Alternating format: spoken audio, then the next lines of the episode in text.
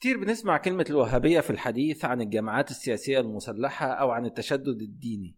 فهل فعلا هناك علاقة بين الوهابية وبين الإسلام السياسي المسلح؟ هيجاوبنا على السؤال ده الباحث الإسلامي الأستاذ هاني عمارة. أهلا وسهلا بكم بودكاست الدقائق ومعكم خالد البري.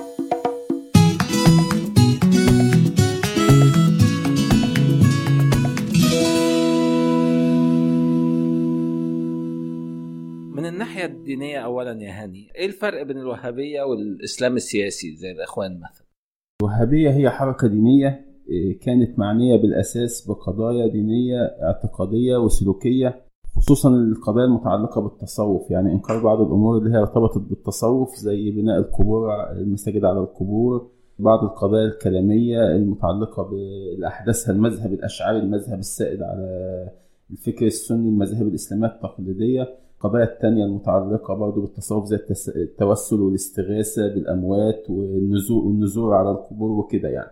طبعا أي سلفية ممكن تتحول لسلفية جهادية لكن الموضوع برضو مش بالسهولة دي بسبب الفارق في السياسة ما بين الفقه السلفي وما بين الفقه المعتمد من الجماعات الدينية السياسية.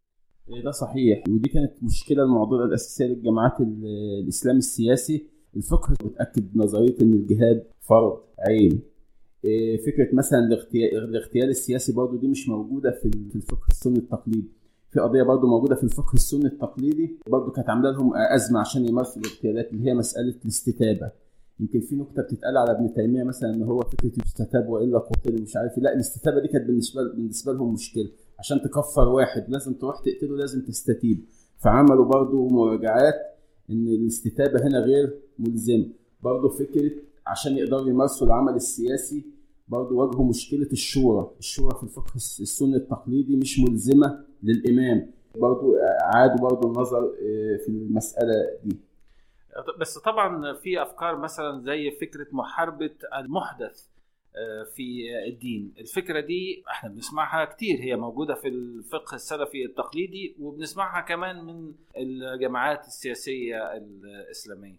ما هي دي بقى من تناقضات الجماعات الإسلامية إن هو مثلا لما فكرة السلفية تخدمه يعني هو مثلا بيحارب الدولة الحديثة وبيحارب مظاهر ما يطلق عليه مظاهر التغريب ومظاهر الحداثة ففي الحالة دي بيتقمص صوب السلفي التقليدي. إنما لما الفقه التقليدي بيعوقه عن إن هو يوصل للسلطة فبيلجأ برضه لتأويلية نوع من التأويل عشان يوصل بقى فيقول لك مثلا الشورى والديمقراطية ويحاول يستخرجها من النصوص الدينية بأي طريقة. لما بتتابع الإعلام والكلام عن الإسلام السياسي في الإعلام بتلاقي إنه أي حركة متشددة بتنسب على طول تلقائيا إلى الوهابية. فعلا في خلط. الناس ارتبط عندهم مفهوم التشدد الديني بالوهابية يعني.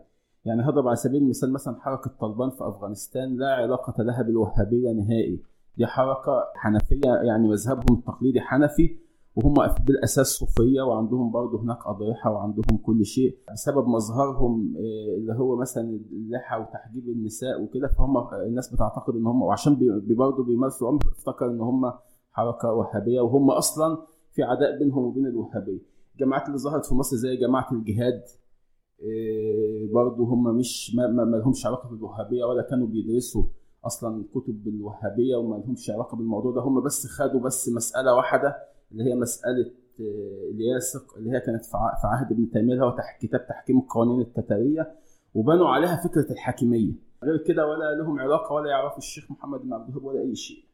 طيب تفتكر منين جاي الخلط ده؟ يعني ليه كل حركة متشددة بتنسب إلى الوهابية سواء في الإعلام العالمي أو حتى في الإعلام الإقليمي اللي المفروض الناس أدرى شوية بالفروق ما بين المذاهب وما بين الجامعات المختلفة.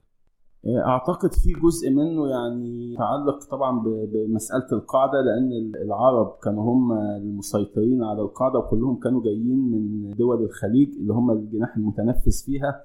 إنما حتى القاعدة نفسهم ما يتصنفوش حركة وهابية يعني. في برضه أمور تانية متعلقة بالمذاهب إن كل واحد يعني عايز يرمي المشاكل يعني فكرة اختزالية في نوع من الاختزالية كده الناس اللي هم مش قادرين يواجهوا بعض مشاكل التراث الديني أو الحاجات دي فبيحاولوا يستسهلوا شوية. كل حاجة يقول لك ده الوهابية الوهابية الوهابية فيقول لك الإخوان جماعة وهابية داعش وهابية كده يعني. في نهاية هذا الحوار بنتوجه بالشكر للأستاذ هاني عمارة الباحث في الشؤون الإسلامية. كان معكم خالد البري وبودكاست دقائق.